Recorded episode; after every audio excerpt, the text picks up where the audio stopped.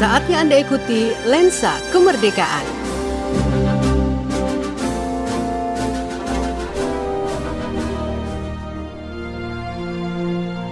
Proklamasi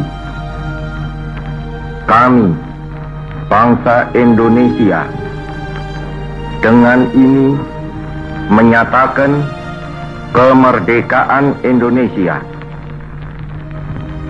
hal-hal yang mengenai pemindahan kekuasaan dan lain-lain diselenggarakan dengan cara saksama dan dalam tempo yang sesingkat-singkatnya. Jakarta, 17 Agustus 1945 atas nama bangsa Indonesia Soekarno Hatta. Proklamasi kemerdekaan bangsa Indonesia terjadi pada hari Jumat tanggal 17 Agustus tahun 1945 tahun Masehi atau tanggal 17 Agustus tahun 2605 menurut tahun Jepang. Yang menarik, hari bersejarah tanggal 17 Agustus tahun 1945 jatuh di tanggal 8 Ramadan tahun 1364 menurut kalender Hijriah. Proklamasi dibacakan oleh Soekarno dengan didampingi oleh Muhammad Hatta yang bertempat di Jalan Pegangsaan Timur 56 Jakarta Pusat. Proklamasi kemerdekaan bangsa Indonesia dipicu oleh peristiwa yang terjadi pada tanggal 6 dan 9 Agustus tahun 1945 yaitu sebuah bom atom yang dijatuhkan di atas kota Hiroshima dan Nagasaki, Jepang oleh Amerika Serikat. Bom atom menurunkan moral semangat tentara Jepang di seluruh dunia. Jepang akhirnya menyerah kepada Amerika Serikat dan sekutunya. Momen menyerahnya Jepang ini dimanfaatkan oleh Indonesia untuk memproklamasikan kemerdekaannya.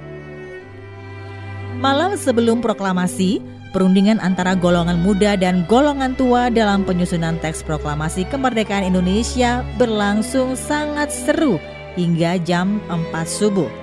Teks proklamasi ditulis di ruang makan Laksamana Tadasi Maeda di Jalan Imam Bonjol nomor 1 Jakarta.